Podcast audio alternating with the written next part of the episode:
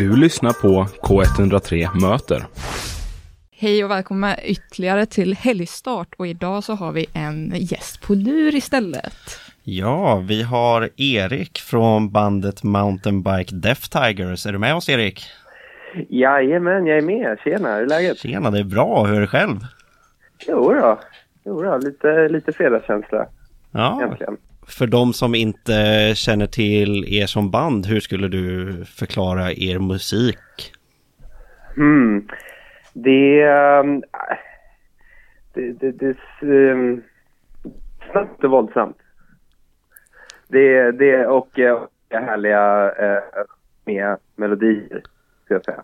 Det, det är mycket liksom, det, det är verkligen... Eh, det är, bara, det är bara in och stångas liksom från början till slut egentligen och så ibland får man liksom också. Så det är härligt. Ja, det låter, det det låter, ungefär. låter kanon. Och vad är, vad är din roll i bandet? Ja, Jag lirar gitarr eh, och hojtar lite ibland sådär när jag måste.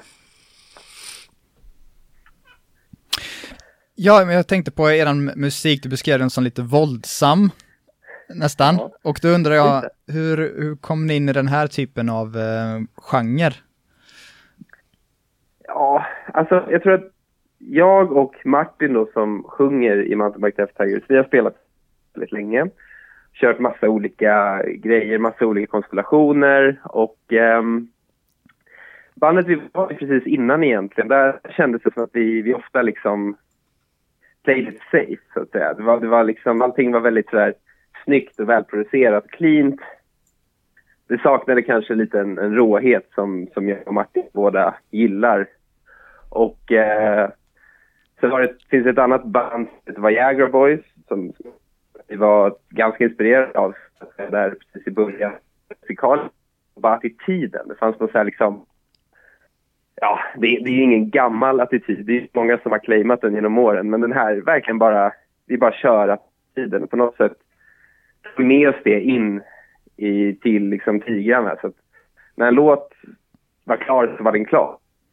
Inte på att mixtra så mycket. Man dödade sina darlings liksom. Och det blev ett väldigt rått och hetsigt sound ur det på något sätt. Som vi sen har, har behållit liksom. För vi är lite rädda för, vi vill liksom inte, eller ja, tar det jag för mig själv, jag känner i alla fall att vi vill liksom inte hamna i det där, uh, fokusera för mycket på, uh, är det här catchigt nog eller ska vi ha, ska vi ha något solo här eller ska vi göra något häftigt här? Utan det är bara liksom, bara upp och skrik, kör liksom.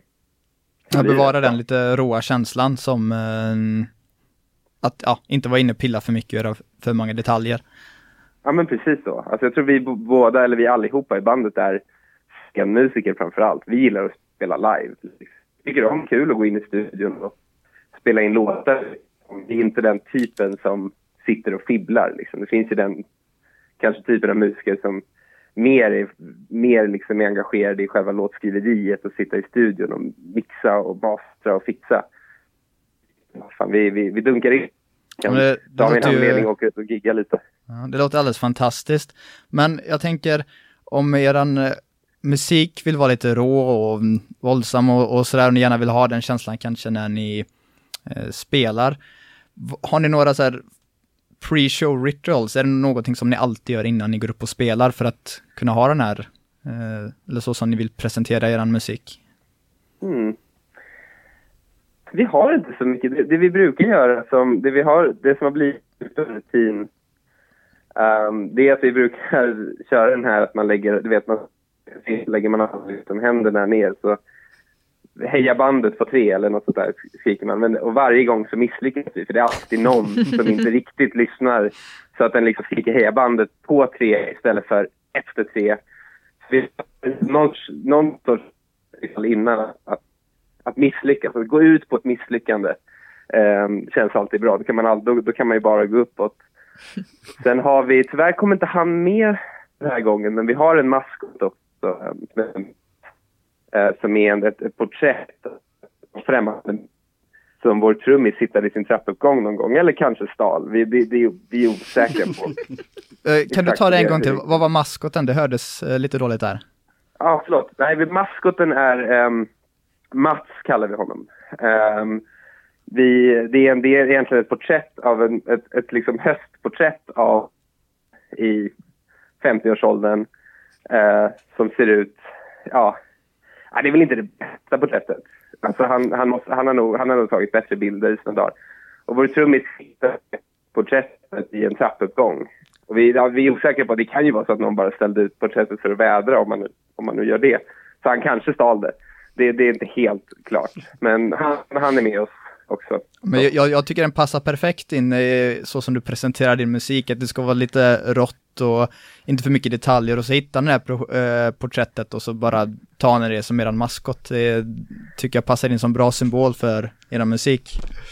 Ja men det är det, jag tror att det finns, vi har också den här, alltså bara inte ta oss själva för vi tar vår musik seriöst men inte ta oss seriöst liksom. Det är, det är ganska mycket, det är mycket liksom som bara ibland, ibland så kan vi liksom ha som, kan man ha som kritik liksom att det här är inte dumt nog. Det här, det här är inte dumt nog. Folk kommer liksom inte köpa att det här är mountainbike death Det här är för... Vi måste dumma det med någonting. Så, så det är, utan att vara liksom, vi är inte ett humorband på något sätt, men liksom det finns, vi vill alltid ha den lite glimten i ögat, eller vad man ska säga. Utan att låta för självförhärligande kanske. Du pratade också förut om hur mycket ni gillar att komma ut och spela live. Mm. Är det där ni liksom har mest kontakt och närmast kontakt till er publik också? Ja, alltså absolut. Eh, Martin brukar ju, han har ju för vana att brottas med dem, alltså rent fysiskt brottas med dem. Eh, så vi, vi kommer väldigt nära vår publik när vi spelar. Eh, och ja, det, det är ju där någonstans liksom. Det, den där direkta responsen liksom, den är ju, den, den är ju guld värd både för oss som bara tycker det här är roligt att vara ute och lira men också såklart när vi skriver och liksom när vi skapar musik. Det är så vi testar våra låtar egentligen. Mm. Så att man, man skriver någonting och sen plockar man med sig några låtar ut och så ser man vad publiken säger om det liksom. Ja. Men också en sak som eh, jag har grunnat på nu under de senaste 45 minuterna är vart kommer bandnamnet Mountainbike Death Tigers ifrån?